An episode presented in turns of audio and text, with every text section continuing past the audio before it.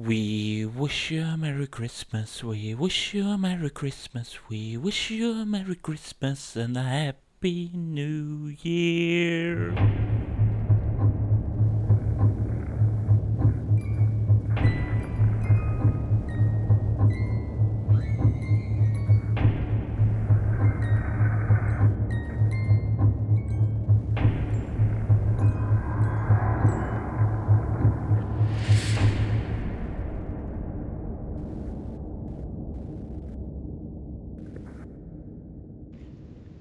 Välkommen och god jul! Det här är det 34 avsnittet av Bortom Bortom. Mitt namn är Robert Jonsson och som vanligt sitter jag med här med John A Jonsson från icarusdream.se och dricker julglögg. Välkommen John! Hej hej internet och god jul! Ja, eh, och eh, det här är det nu höll jag på att säga att det här är det, det första julavsnittet som vi gör, men det är faktiskt den 24. Vi har haft en julkalender nu som rullar på under decembern och eh, vi har alla bidragit med våra grejer. Eh, John, nu när du kollar tillbaka på julkalendern, vad tycker du om den? Jag tyckte det var ett väldigt roligt initiativ att köra en julkalender som liknar den förra julkalendern men ändå görs på ett nytt sätt. Det tyckte jag var ett väldigt roligt koncept. Så med eh, det i åtanke så kommer du göra nästa års julkalender själv i videodagboksform? Ja, nästa år kommer vi inte ha något julkalender i sig i och med att vi måste ju köra traditionen varannat år. Men eh, om två år, då kommer vi ju vara tvungna att köra videoformat. Vi och vi, jag sa du av ett skäl. Det är ju du som är den snygga av oss. Det är din podcast. ja, men du är ju här för ditt utseende. Ja, jag vet. Jag har perfekt radioutseende. Ouch. Um, ja, Nej, jag, jag, tycker det har varit väldigt eh, trevligt eh, att göra det här, även om det är redigeringsmässigt och jaga folk och komma på saker själv har varit ganska intensivt när man ska ut en lucka varje dag. Men eh, jag vill eh, ta tillfället i akt och säga tack till alla som eh, har bidragit. Eh, Genom eh, programmets gång. Jo, det har varit väldigt kul att det inte bara var du och jag utan att vi hade lite blandat folk som har deltagit. Och extra kul att vi har kunnat fått in folk från de två andra stora rollspelspodcasterna i Sverige. Märklighetstroget Nord-Nordost.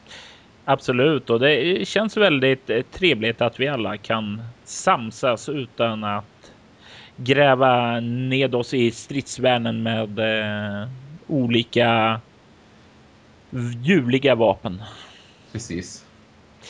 Eh, och eh, som ni hör här så kommer det här luckan, alltså lucka 24, att skilja sig från de tidigare podcasten. Vi är nämligen tillbaka i gammal hederlig form med ett helt ordinärt avsnitt som avslutning på julkalendern.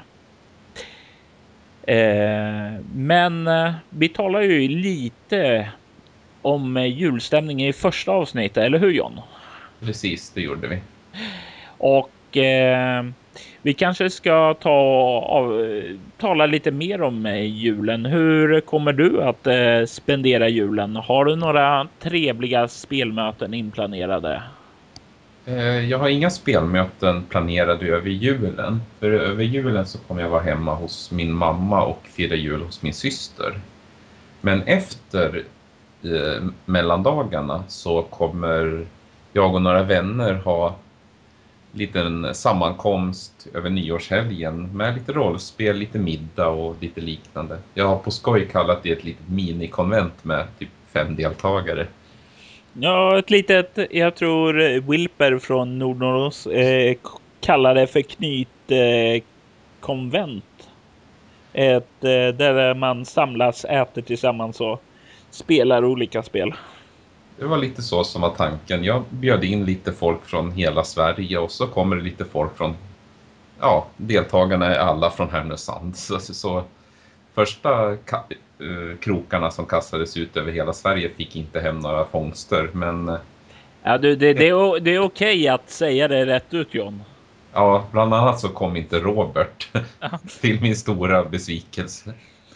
Ja, någon gång John, någon gång. Särskilt när du minst anar det. Så om du hör någon knackning på dörren eller bankning ska vi kanske säga som skriker släpp in mig en sen vinternatt så kan det vara jag. Då, då kan jag nöja mig med känslan av att eh, man behöver en eh, nyckel för att komma in i trapphuset. Så då kommer jag inte höra när du bankar på dörren. Aha. Eh, yeah. Mm. Eh. Hur ska du fira jul då? Hade du tänkt dig? Eh, jag... Eh, ja, jag har ju vad heter det, föräldrar eh, på olika ställen och en bror på andra. Så jag sprider ut den. Jag börjar med julfirandet redan eh, eh runt den 21 och sen betar jag av eh, släkting en efter en eh, och avrundar det hela den 25 december tillsammans med min eh, bror och hans familj. Och under juldagarna så avslutar med, med eh, tre stycken spelpass. Eh, eh, inte som du i rad eh, då på ett svep, utan eh, vi har ett, först ett spelmöte i en science fiction värld eh, baserat eh, på det gamla rollspelet Sid Meier's eh, Alpha Centauri som vi spelar med eh, bortom reglerna. Inte Leviathans regler då, utan bortom? Nej, spelledaren är eh, eh, vad heter det bekant med eh, eh, vad heter det bortom sen tidigare. Och eh, i och för sig, vi kör med vad jag kallar bortom 2.0 reglerna och det är ju i princip de som eh, Leviathan bygger på. Så visst, kanske lite då, men vi använder inte basbyggen och allting sådant, utan vi siktar på eh, vad heter det, små eh, personer som ja, personliga berättelser och sen hoppar vi i århundraden däremellan. Att först då var det innan kolonisering, sen under kolonisering, sen efter akklimatiseringen eh, och så vidare och så vidare. Eh, vi har eh, dessutom ett eh, World of Darkness spelmöte inplanerat också. Eh, där jag, eh, jag som har en väldigt bortomaktig eh, stämning i sig. Som jag ser jättefram emot. Och sedan avslutningsvis så har vi den 30 december speltestet av nästa års konventscenario Skuggstaten. Eh, som är en crossover mellan Bortom och Leviathan. Det låter väldigt spännande det. Ja, vi får hoppas att du tycker det eftersom du ska vara med och arrangera och spelledare på Gotcon. Det brukar underlätta. ja, precis. Eh, och jag svär John, det här året finns det inte ett rum ett. Nej, alltså äventyret börjar med rum två menar du? Exakt. Ja, jag förstår. Ja, eh, ja, eh, innan vi går vidare så var det en sak till som du ville tala om eh, efter att jag hade tipsat om en eh, film i lucka 21. Eh, nämligen eh, Black Christmas så hade du filmtips att som du ville dela med dig av. Ja, så här i jultid så finns det ju ett antal filmer som handlar just om jul. Och det finns även skräckfilmer. Och jag ville tipsa om en filmserie med två kortfilmer och en lång film som kommer från vårt eh, grannland. grannland Finland. Det är filmerna Rare Exports som är gjorda av några galna finnar. det är två stycken kortfilmer som först gjordes och lades upp på Youtube. Och sen så gjorde de en långfilm baserad på lite samma koncept. Grundkonceptet är att eh, finnarna ja, helt enkelt jagar tomtar och exporterar dessa till olika länder. Därav namnet Rare Exports. Och har man lite små bizarr humor och gillar både skräck och humor tillsammans med eh, barska finnar och eh, vinterkyla, då passar filmerna väldigt, väldigt bra att se. De eh. filmer speciellt är lite större och längre än kortfilmerna och innehåller en fantastiskt bra plot twist som verkligen sätter allting i ett väldigt spännande ljus. Så eh, rekommenderar jag dessa filmer. En fråga jag har. Eh, du säger att den blandar skräck och komedi och det första jag tänker på då är ju Army of Darkness och Evil Dead-filmerna. Eh, är det så du menar eller eh, hur sker själva blandningen? Nej, det är ju inte riktigt så, utan det är ju mer... Det är svårt att beskriva exakt. Det är inte riktigt buskishumor på det sättet, utan det är ju helt enkelt hur man tänker, nästan lite... Ja, jag skulle beskriva det nästan lite som pistvaktshumor till viss del. Alltså man tar ett par väldigt insnöade människor med väldigt eh, egen syn på världen och så händer det bizarra saker runt omkring dem och bara deras reaktioner på det. Ja, men sånt kan ju bli rätt kul. Ja, jag rekommenderar helt klart filmerna att se. Ja, eh, och eh, om John förser mig med länkarna till eh, kortfilmerna så kommer jag även att se till att de går att nå i avsnittets show notes. Ja, det ordnar jag. Bra. Men låt oss börja prata om avsnittets tema, äventyret Julefrid. Vad är det för någonting, Robert? Julefrid är ett eh,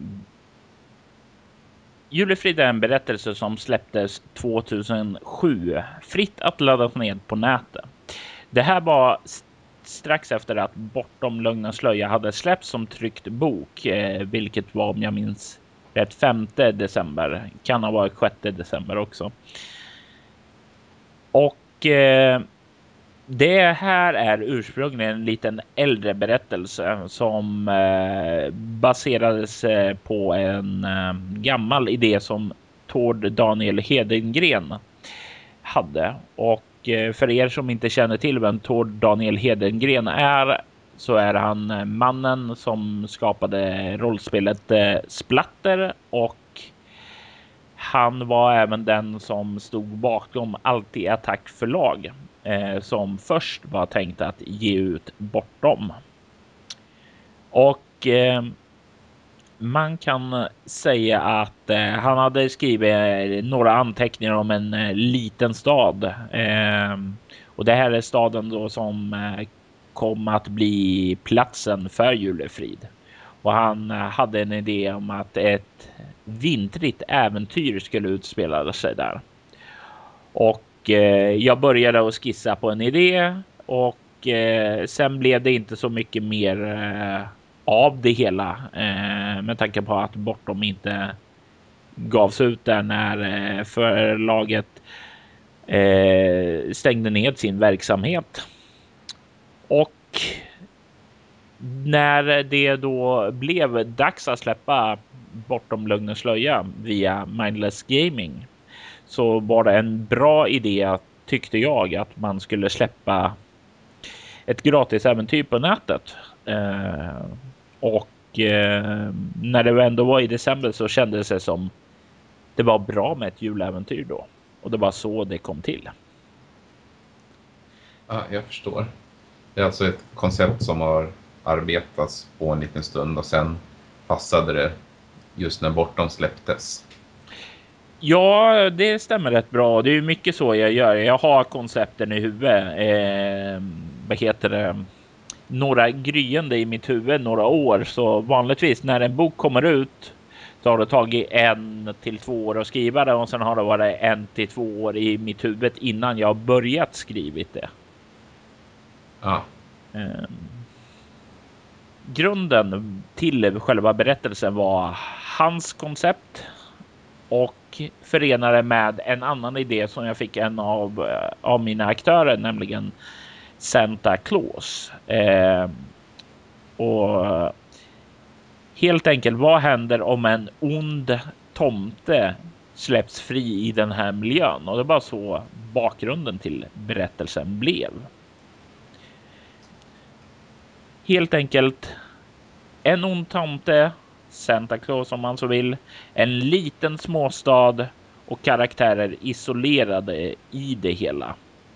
Får jag fråga här om eh, din Santa Claus är på något sätt inspirerat av skräckfilmen från 1996 som heter just Santa Claus den också? Inte alls. Jag visste inte att den fanns. Så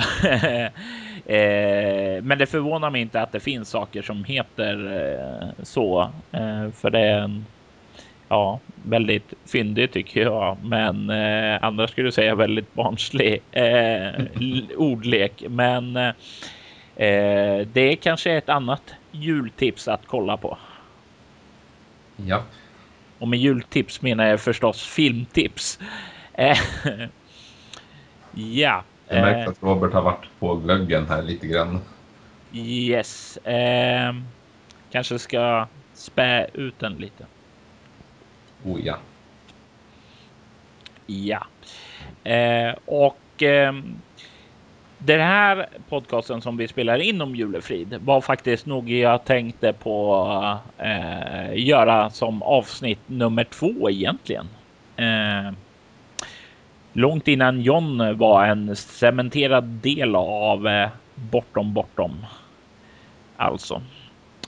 Och Eh, tanken var då helt enkelt att ge det som en liten eh, commentary track som brukar finnas med på DVD-skivor. Eh, och av det skälet så kan det förekomma en eh, del spoilers helt enkelt. Och eh, för att ehm, om ni ska spela det här så är det ju en bra idé att sluta lyssna när det kommer en liten eh, ljudbreak. Eh, och med det, vad säger du John? Ska vi hoppa in i handlingen? Ho, ho, ho.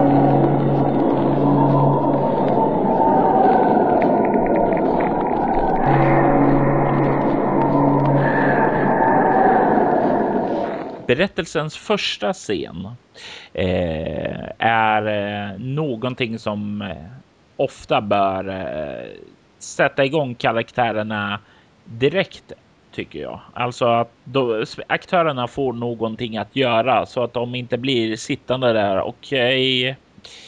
Okay. Eh, jaha, vad gör vi nu? Utan det ska vara någonting som direkt griper tag i dem. Och eh, Julefrid är väl kanske inte det mest aktiva av alla startare egentligen. För det jag skriver lite, ja men om aktörerna känner för det kan de eh, gräla lite i bilen först. Och eh, då, då uppstår den här väldiga känslan att har du aktörer som inte naturligt sliter tag i det, då blir det, jaha, vi sitter tysta. Bilen åker. Ser vi någonting? Nej. Berättaren, du kanske vill göra någonting så vi får reagera på. Och det kommer ju sen, men. Eh, det var ju inte riktigt vad jag tryckte på. Men sen kommer det en bilkrasch och det är där som karaktärerna direkt får eh, någonting att göra.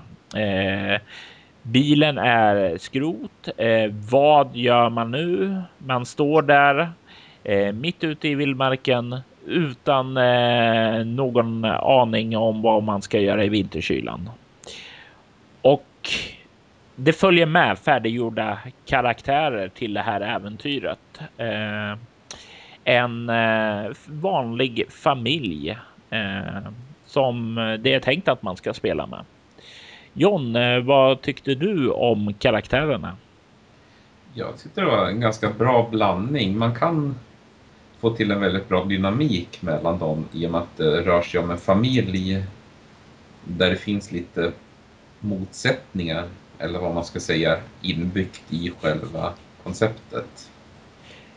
Ja, precis. Du har ju tonårsdottern Megan eh, som eh, definitivt är den här arketypisk rebelliska personen. Sen har du den skötsamma sonen Sam. Eh, du har även eh, åklagaren som eh, är mor eh, som heter Marlene. Slutligen har vi även läkaren Jeffrey. Och eh, båda föräldrarna är ju där sådana här högstatusyrken, eh, ganska strikta och det är ju inte direkt dottern. Eh, hon är ju ganska rebellisk som sagt var och gör sitt tonårsrevolt. Och eh, det är väl de eh, barnen vill väl inte riktigt sitta i en bil mitt ute i vinterkylan när fadern har kört vilse och inte vägrar erkänna det. Och, och inte vägrar erkänna det. Inte vågar erkänna det. Ja, så ska det vara. och då som du säger John, det tanken är ju att du ska ha en dynamik att spela på eh, i själva berättelsen. Och eh, under scen två så bygger man eh, vidare på den här känslan att eh, karaktärerna kommer att uppleva händelser som de får reagera på. De eh, kommer till eh, en liten stad. De får möjlighet att försöka få sin bil reparerad. De får möjlighet att eh, checka in på ett hotell i alla fall så de inte behöver frysa ihjäl ute i skogen. Och eh, här börjar det också att eh, ske eh, möten med personer. Eh, det är väldigt få berättarpersoner som figurerar här till skillnad från många andra av mina berättelser. Och det är här också karaktärerna får möta en eh, ganska viktig person som heter Steve Cisco. Och eh, under den här scenen så det händer eh, ganska mycket små saker helt enkelt. Men det sker en hel del planteringar av eh, saker som kommer få roll senare.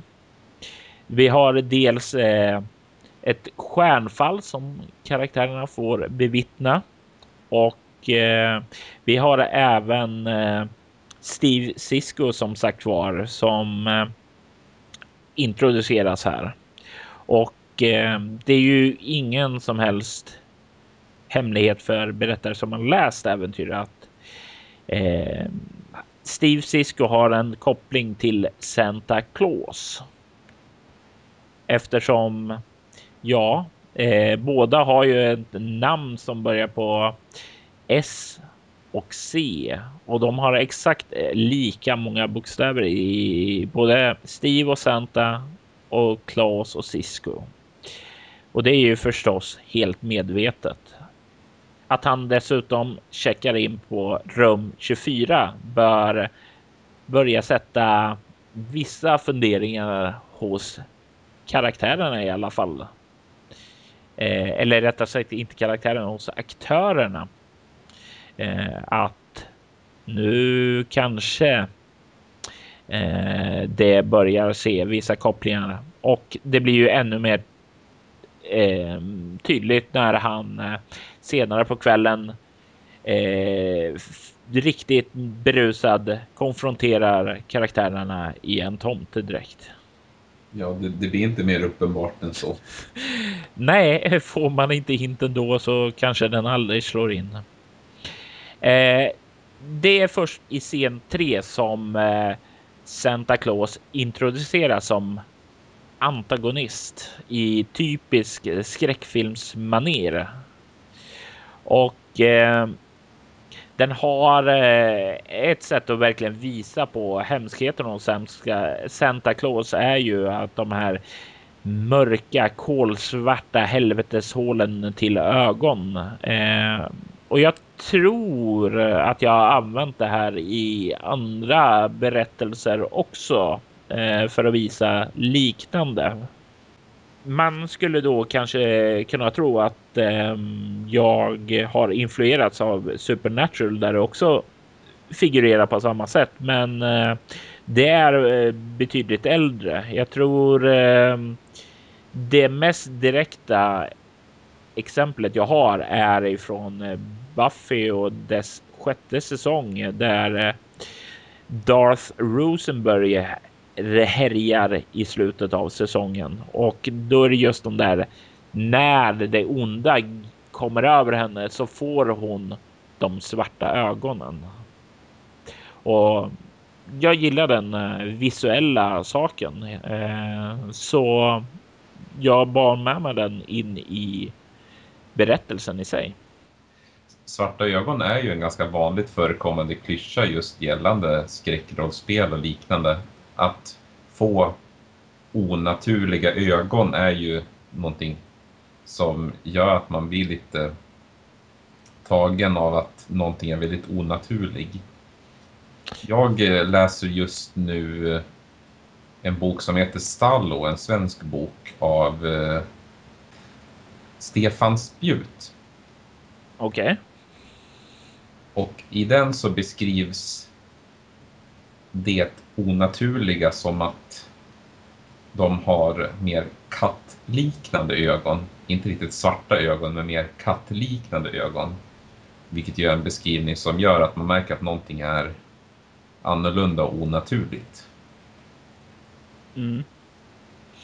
Eh, precis. Det, det, här är ju en, eh, som du säger, en eh, vanligt förekommande konvention och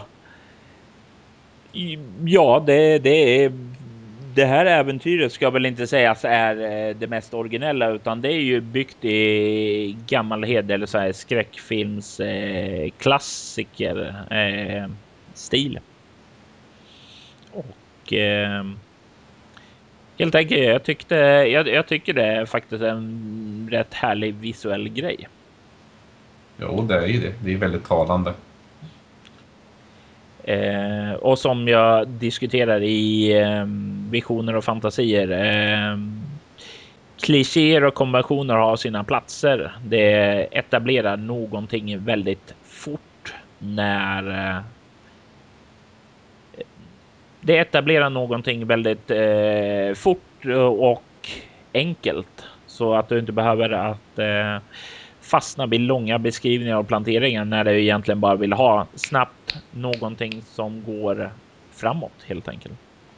Och eh, framåt är vad det går eh, för karaktärerna eftersom eh, den, den, tomten är ju inte riktigt eh, snäll han är där för att dela ut klappar och karaktärerna är de som ska få ta emot hans klappar. Och det kanske inte vore så hemskt om det inte vore för de stora rakbladsvassa klorna som finns på hans händer. Och det tvingar karaktärerna ut i kylan och jagas. Och mycket av scen 4 visar ju på hur man håller kvar karaktärerna i berättelsen i klassisk eh, skräckfilms eh, konvention. Där eh, ja, det skulle bli en rätt tråkig film om eh, huvudrollen i en eh, skräckfilm flyr efter eh, tio minuter. Eller vad tror du John? Jo, helt klart. Man måste ju ha någonting som håller det intressant. Precis, och ett av tipsen för att hålla det här intressant är ju liksom att få karaktärerna att känna sig hjälplösa och utsatta och det är ju lite grann av vad scen 4 motiverar att eh, karaktärerna håller sig i området och att eh, de håller i ständig skräck helt enkelt. Scen 5 skiljer sig strukturmässigt mot många andra berättelser som har släppts till, till bortom. Eh, både gratis på nätet och eh, i tryckta moduler, nämligen att eh, beskrivningen över platserna som finns att besöka kommer i scen 5 och inte Appendix B som i vanliga fall. Och det mycket av det här kommer helt enkelt för att det var i början av eh, Bortoms livstid. Jag var inte helt satt i hur eh, berättelsen, ja, hur formalien var och även Eh, att det var en liten äldre idé då. Men eh, jag kan ju passa på att fråga dig John, vad tycker eh, du är eh, bäst för dig personligen då? Eh, när du beskriver platser i själva berättelsen när man besöker det, alltså i relevant scen eller i ett appendix längst bak. Det har ju både sina för och nackdelar båda sätten. Men jag skulle säga att jag föredrar att ha det mitt i texten om det är en mindre mängd, till exempel en halv sida eller liknande, då tycker jag det passar bättre i texten. Är det mer, till exempel en stor karta, så tror jag det passar bättre i en appendix. Det är väl lite så. Men helst vill jag ha så mycket som möjligt i texten så att man inte behöver bläddra fram och tillbaka. C-sidan XX som det så fint heter i vissa av White Wolves alster.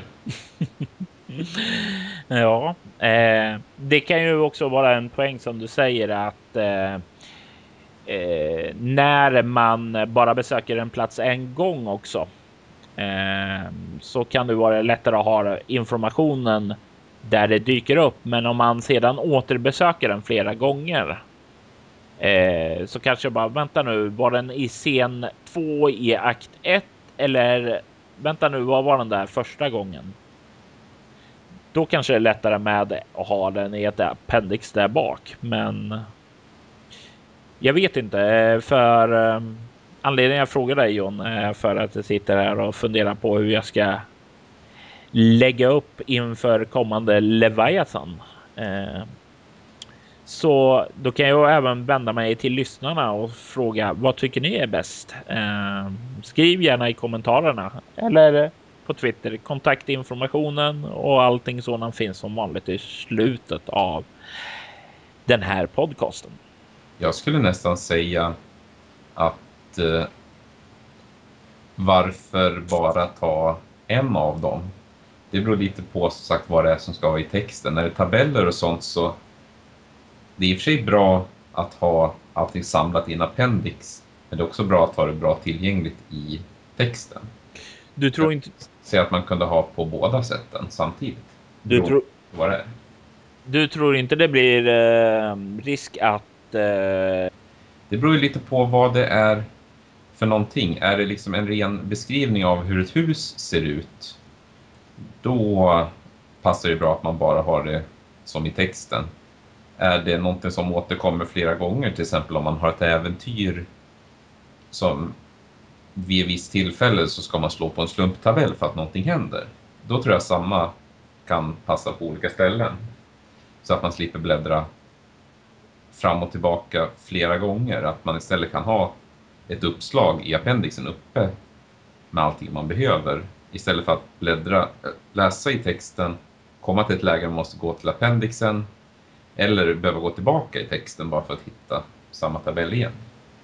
Mm någonting värt att tänka över. Eh, absolut. Den här scenen har också en liten sidohistoria instoppad i sig om eh, de eh, två personerna Jack and Jones och vad de pysslade med i staden. Och det här är lite sak eh, instoppad för att försöka göra staden mer levande istället för ha en ödslig stad eh, där alla säsongsarbetare har åkt hem och den lilla lokalbefolkningen som finns kvar mest håller sig inne. Så vill jag ha någonting att fylla ut med staden. Och ja, eh, det är väl kanske inte det mest eh, utfyllda och mest intressanta eh, händelser eh, som finns i något av mina äventyr men eh, det fungerar väl. Scen 6. Eh, börjar då med en återkoppling till eh, scen 2 där karaktärerna såg ett stjärnfall. Och eh, det här stjärnfallet förvandlas till ett eh, meteornedslag. Och eh, det är vad som eh, ja, det fortsätter handlingen på ett naturligt sätt då att eh, under den här jakten sker den här nedslaget och och det fortsätter eh, eh handlingen framåt. Men Robert, i själva texten så använder du ju orden meteor, komet och meteorit fram och tillbaka väldigt blandat. Men eh, det är väl inte riktigt samma sak, eller? Nej, det är verkligen inte samma sak och eh, jag skyller eh, på ja, jag, jag skyller på stress och eh, världssaltet. Eh, nej, jag, jag skäms lite över det här, men det, det blev eh, när jag skrev det så var inkonsekvent och inte riktigt eh, tydlig. Eh, så det är eh, blandat. En komet är eh, vad heter någonting som man ser uppe på himlen. Eh, och det är alltså vad som syns på i scen 2 där man ser det hela. Eh, stjärnfallet alltså. Meteor är någonting som eh, eh, närmar sig eh, jorden, alltså när det kommer. Vad heter det mot vår lilla värld och en meteor är ja, ofta kan det beskrivas som rester av en komet. Och meteorit är slutligen, eh, ja man kan säga nästan slutprodukten i den här kedjan. Det är förstelnade meteorstenar som har brutit sig genom atmosfären och slagit ned på jorden. Och eh, det är, vad heter det, inte riktigt tydligt i äventyret tyvärr. Eh. Dock så, eh, så här små faktafel kan även de största göra. Eh, Larry Niven skriver ju bland annat i första upplagan av boken Ringworld en person som försöker teleportera sig till en annan plats eh, beroende på hur solen snurrar. Och han beskriver det som att han reser till den platsen för att förlänga sin egen födelsedag. Men om man följer faktan korrekt så teleporterar han sig till det läget att han egentligen teleporterar sig till dagen efter sin födelsedag. Okej. Okay. Eh, se, riktiga proffs eh, och fullblodsförfattare gör också fel. Ja. Och sen har vi ju den eh, spännande felöversättningen från ett av Tolkiens verk där det beskrivs att alverna råmar. Oj, oj, oj. Um, så även översättare kan göra fel. Det här är eh, uppenbarelser för mig. Eh, eh, just stjärnfallets roll och eh, meteorens nedslag blir också väldigt symboliskt. Eh, för eh, det finns ju spekulationer om Betlehemstjärnan var knuten till Haleys komet. Och eh, tanken med eh, stjärnfallet är förstås att göra en allusion till just den teorin. Och för er som eh, läser eh, Fenix så finns det i sista numret för 2012 en eh, artikel som heter Pelotons vedergällning.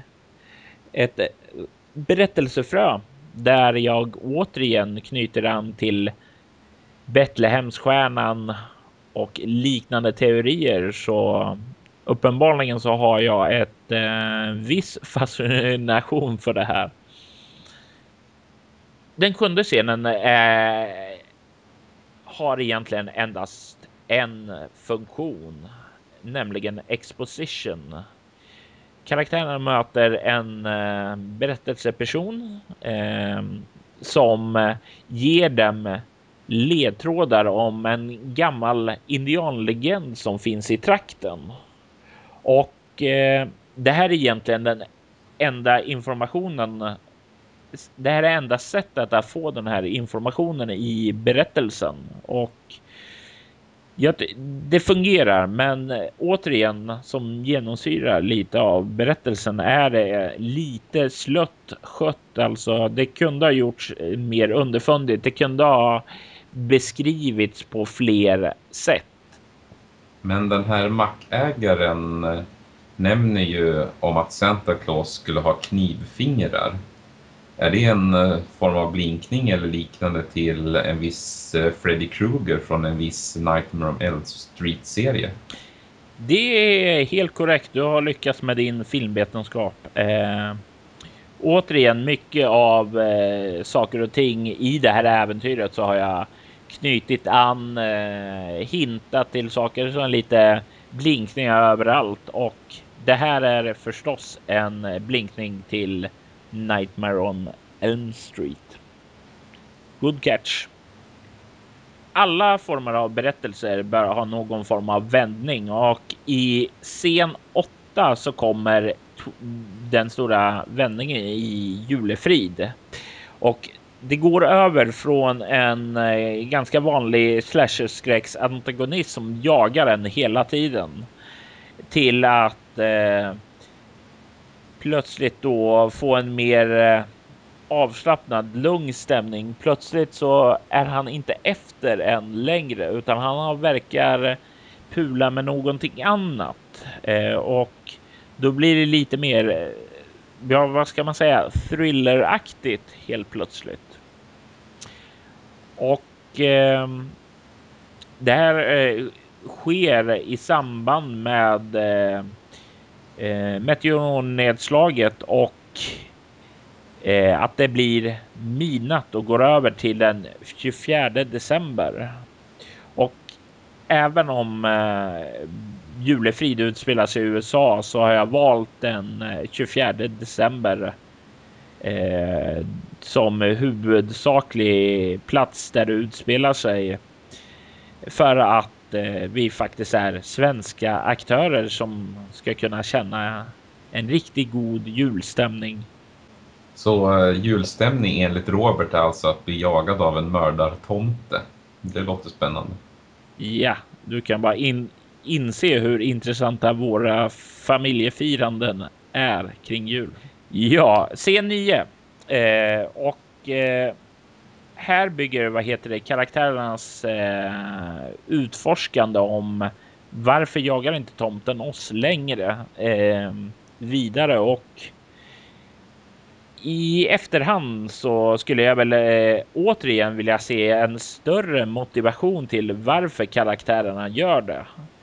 Eh, det är liksom nu lite grann av okej, okay, aktörerna förstår att de ska göra det, så därför kommer karaktärerna göra det. Men eh, det finns inte riktigt eh, motiverat varför karaktärerna egentligen inte bara skulle ta och sno en bil och sticka därifrån. Finns det ett skäl att meteoren slog ner på samma plats som en annan slagit ner på en gång tidigare? Var det en slump eller är det resultatet av kampen i den högre existensen? Det som vi pratade om tidigare i metafysikpodcasterna. Det ärliga svaret är att eh, då jag skrev det här hade jag ingen djupare mening att de slog mer, eh, slog ned på samma ställe annat än att oh coolt, ball, symmetri, eh, whatever. Men jag tror att det undermedvetet fanns en tanke om att det fanns en koppling på något sätt. Skulle jag skriva en uppföljning om händelserna i eh, staden där julefrid utspelar sig så är det definitivt en tråd som jag skulle förklara närmare. En annan liten sak är att eh, Alpha 1 Omega Industries bedövningspistoler Eh, introduceras här och eh, det, visserligen hade de redan figur, figurerat i berättelsen Fem nyanser av svart, men eftersom det till dags dato inte har släppts ännu så blev det här första platsen där de omnämndes. Och eh, varför jag nämner det här är ju för att efteråt så är det även inarbetats att Johns eh, egna lilla fraktion Moffett Solas har varit med och utveckla vapendesignen i själva pistolen. Även om det förstås inte eh, de varit med och grejat i bedövningsmedlet. Det är ju en positiv sak med att ha en levande spelvärld att saker och ting förklaras på bättre sätt allt eftersom och nya idéer vävs in och liknande.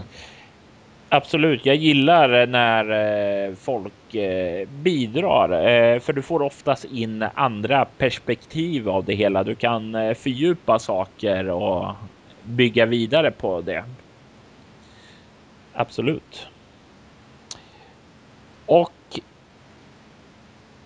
Nu börjar vi närma oss slutet för nu kommer vi till den näst sista scenen. Där karaktärernas utforsknings anda får utdelning då de finner en blottlagd gammal gång. Ni som leder ned till vad traktens indianer en gång i tiden hade hoppats skulle för, förbli dolt. Och eh, här kan karaktären visserligen få lite av den exposition som eh, det får av eh, den tidigt nämnda mackägaren. Men det är. Eh, det fungerar betydligt bättre när de får det klarhet av en person som kan legenderna än att se några konstiga målningar och försöka förstå vad det handlar om. Det fungerar betydligt bättre för att förstärka information som har fått av dem tidigare. Och det är längst där nere när karaktärerna kommer ned i det som de kan se om de hinner dit före tomten en mörkgrön meteorit. Den här meteoriten är ju mörkgrön och väldigt tung. Är det en rest från en varelse från den höga existensen? Och eh, den här klingan som är med i berättelsen Nattljus, är det också en rest i så fall? Det stämmer väldigt bra att både meteoriten och Emelites klinga är rester från den högsta existensen, även om de inte kommer från samma sorters varelse. Eh, det är eh, båda är ju ruttande lik som du var så förtjust i att påpeka. Eh, men de kommer från olika sidor i den här kampen som pågår i den högsta existenten, existensen. Emalites klinga kommer från resterna av en Sansari medan meteoriten snarare kommer från en varelse från samma sida som umbralerna kommer. Och du kan säga och umbralerna finns beskrivna i anakronismer om ni undrar mer om det eller lyssnar kanske lite mer på metafysikpodcasterna så kanske ni får veta mera. Och umbralerna kan man ju läsa lite mer om då de beskrivs i boken Anakronismer som släpptes för en tid sedan här. Eller så kan man om man inte redan har gjort det lyssna på metafysikpodcasten lite igen där de nämns ännu mer.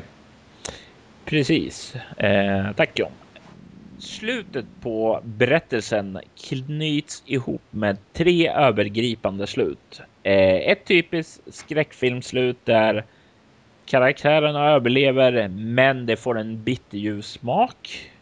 Ett typer, eh, typiskt slut för rollspelare som vill slå tomten i ansiktet i en ultimat badass showdown. Och ett riktigt Hollywood-slut där alla får leva lyckliga alla sina dagar. Du beskriver ju vid ett av sluten, eh, jag ska inte säga vilket för att hålla det lite så spoilerfritt och lite så här eh, myspysigt mystiskt, att en mörk rök lämnar en persons kropp. Det låter ju liknande en beskrivning som finns i boken Lilla stjärna av John Ajvide Lindqvist. Och jag har hört ryktesvägen om att det ska vara något liknande i tv-serien Supernatural. Som inte jag har sett men som Robert har sett så pass mycket att jag har hört talas om den. Ja, jag har inte läst boken med John eh, Ajvid. Okej. Okay. Ja, herr Lindqvist säger vi som har skrivit. Eh, men däremot har jag ju sett Supernatural och eh, jag har inte hämtat inspirationen av boken eftersom jag inte läst den. Eh, och till skillnad från ögonen så är det faktiskt lite eh, lite inspirerat faktiskt av Supernatural, även om jag tycker snarare att eh, hur det visuellt blir riktigt häftigt så är Lost ett ännu bättre exempel med sitt svarta rökmoln. Ja, jag förstår. Ja, eh, men man kanske borde någon gång i framtiden läsa Lilla stjärna. Eh... Det tycker jag. Det är, jag skulle hit, av de böckerna av uh, Ivy de Linkvist som jag har läst så ska jag säga att Lilla stjärna är den bästa hittills. Så ni har inte bara fått filmtips från John utan ni får även lästips. Ja, till skillnad från Robert så både tittar jag på film, ser tv-serier och läser böcker. Ja, och till skillnad från John så spelar jag spel hela min fritid när jag inte skriver. Eh, det handlar om prioriteringar. Precis, eh, men det är ju bra. Då kan vi täcka olika områden.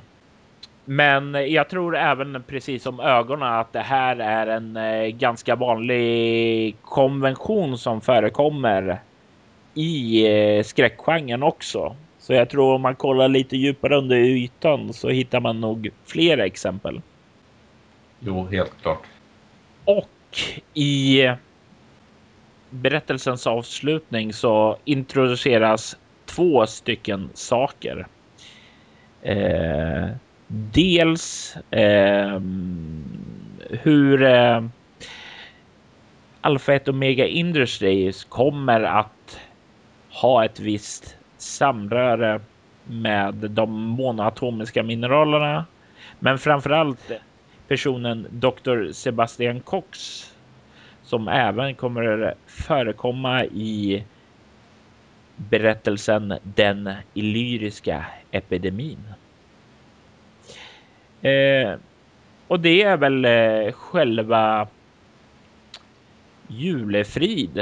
Eh, som jag nämnde lite tidigare så har jag slängt in ett flertal kopplingar på namn och platser som blinkningar.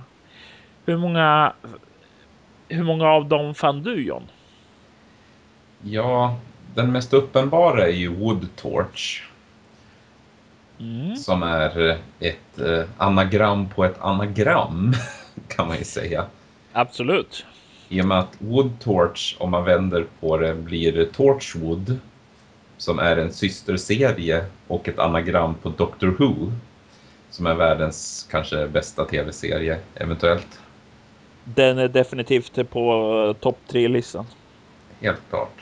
Sen så var det ju några blinkningar som jag tror du inte fattar så riktigt. Eh, för jag tänker ju på när du, när du skrev Steve Cisco. Jag är lite branschskadad så jag tänker på Cisco som en eh, tillverkare av eh, nätverk. Jajamensan.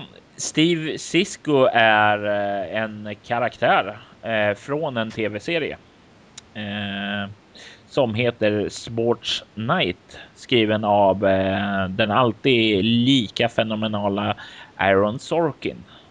Eh, rekommenderas. Det är en komediserie. mycket drama och så. Men visst, Cisco är ju en ett datorföretag också. Det vet jag också om. Ja. Och sen så var det, har det ju med Dr. Cox. Och eh, de av oss som tittar på tv-serien Scrubs vet ju att en av de mest utstående karaktärerna därifrån heter just Dr. Cox. Ja, eh, Eh, det är ju som sagt och det har jag fått veta på i efterhand. Det var inget som jag inspireras då, men det stämmer ju. Eh. Och sen så är det ju namnen eh, ja, Midnatt råder, Tyst där i skogen, Stjärnan från och sen sen, någon sen senare Betlehem och så En helgad natt är ju förstås en referens till eh, Å helga natt. Absolut. Eh, jag har använt mycket eh, allusioner genom eh, julefrid. Eh, lite grann som ett stilgrepp på så sätt. Du har faktiskt plockat upp de mesta. Den du missar var ju skurkarna Jack and Jones som är namnet på en klädkedja. Det kanske har framgått genom eh, podcasten att eh, Julefrid är väl kanske inte ett av de äventyren som jag är mest stolt över. Det är, eh, det är ett ordinärt eh, det är en ordinär skräckberättelse i klassisk eh, skräckfilmsmaner. Det är rakt på utan krusiduller. Eh, med en god julstämning som lämpade just att spela en mörk vinternatt. Eh, men eh, det finns ett par saker i berättelsen som faktiskt knyter an till metaplotten och ger den ett eh, existensberättigande. Och ett av dem är nämligen Alpha 1 Omega Industry och de förekommer i den här berättelsen och jag tyckte det var viktigt att introducera dem i Julefrid eftersom de inte riktigt presenterades eller förekom i Lugnens slöja alls. Sen finns ju också de eh, monoatomiska mineralerna som verkar spela en viss roll efter att jag läst berättelsen och hör dig säga det här. Plus att de figurerar ju även lite grann i Blod och pussel. Var fick du inspiration om dem ifrån? Eh, det är på riktigt. Om man nu tycker new age är något riktigt förstås. Eh.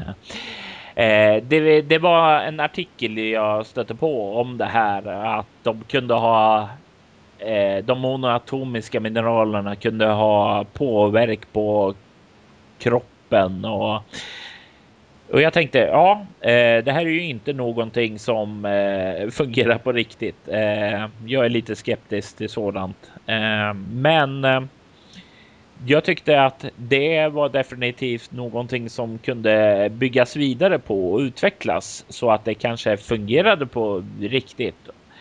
Eh, och Alpha 1 Omega Industries som ett läkemedelsföretag som letar efter, vad ska man säga, andra vägar än de traditionella också eh, passar det här väldigt bra till.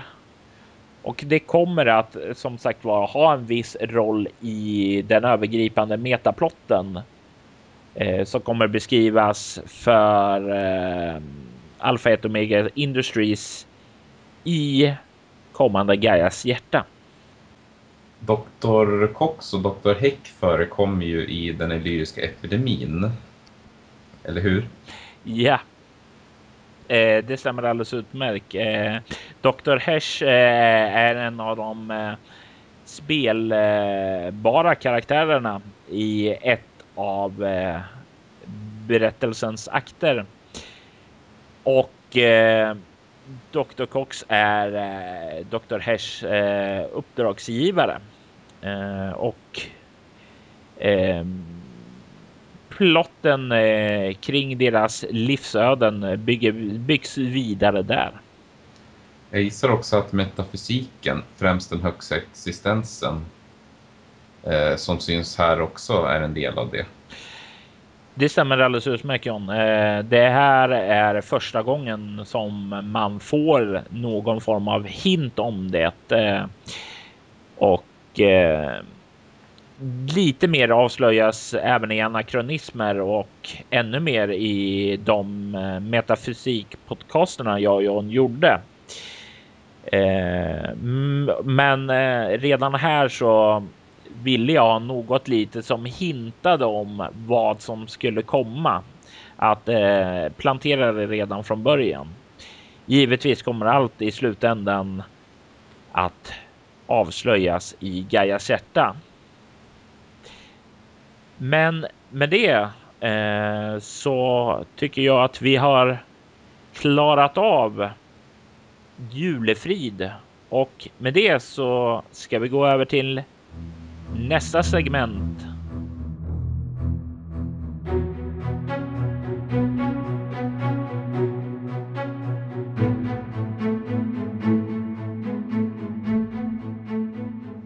Ja, och med det så är vi inne i den avdelningen där John ska göra bort Robert.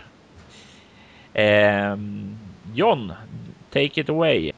Meningen med det här lilla segmentet är att jag kommer gå och gräva bland Roberts gamla synder, äventyr han har skrivit, berättelser han har skrivit och eh, plocka fram någon liten detalj och se om Robert kan placera vart hans skapelse kommer ifrån.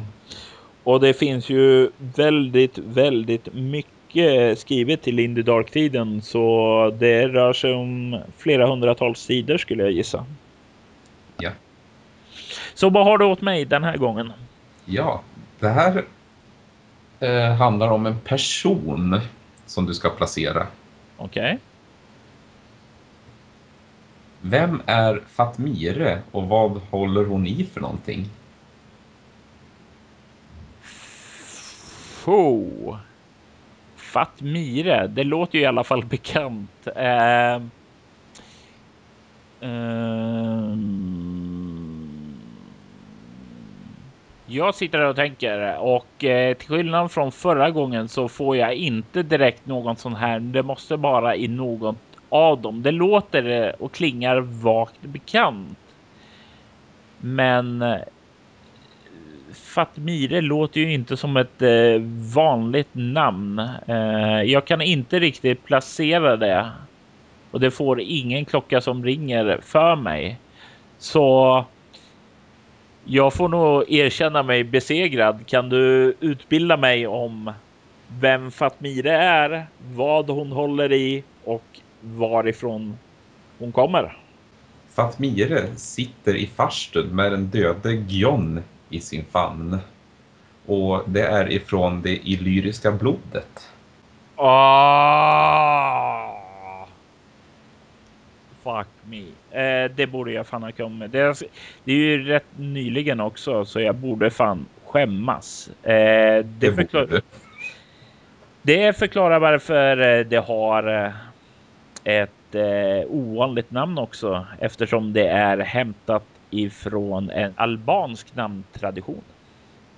Ja. Eh, så ställningen just nu är 1-1.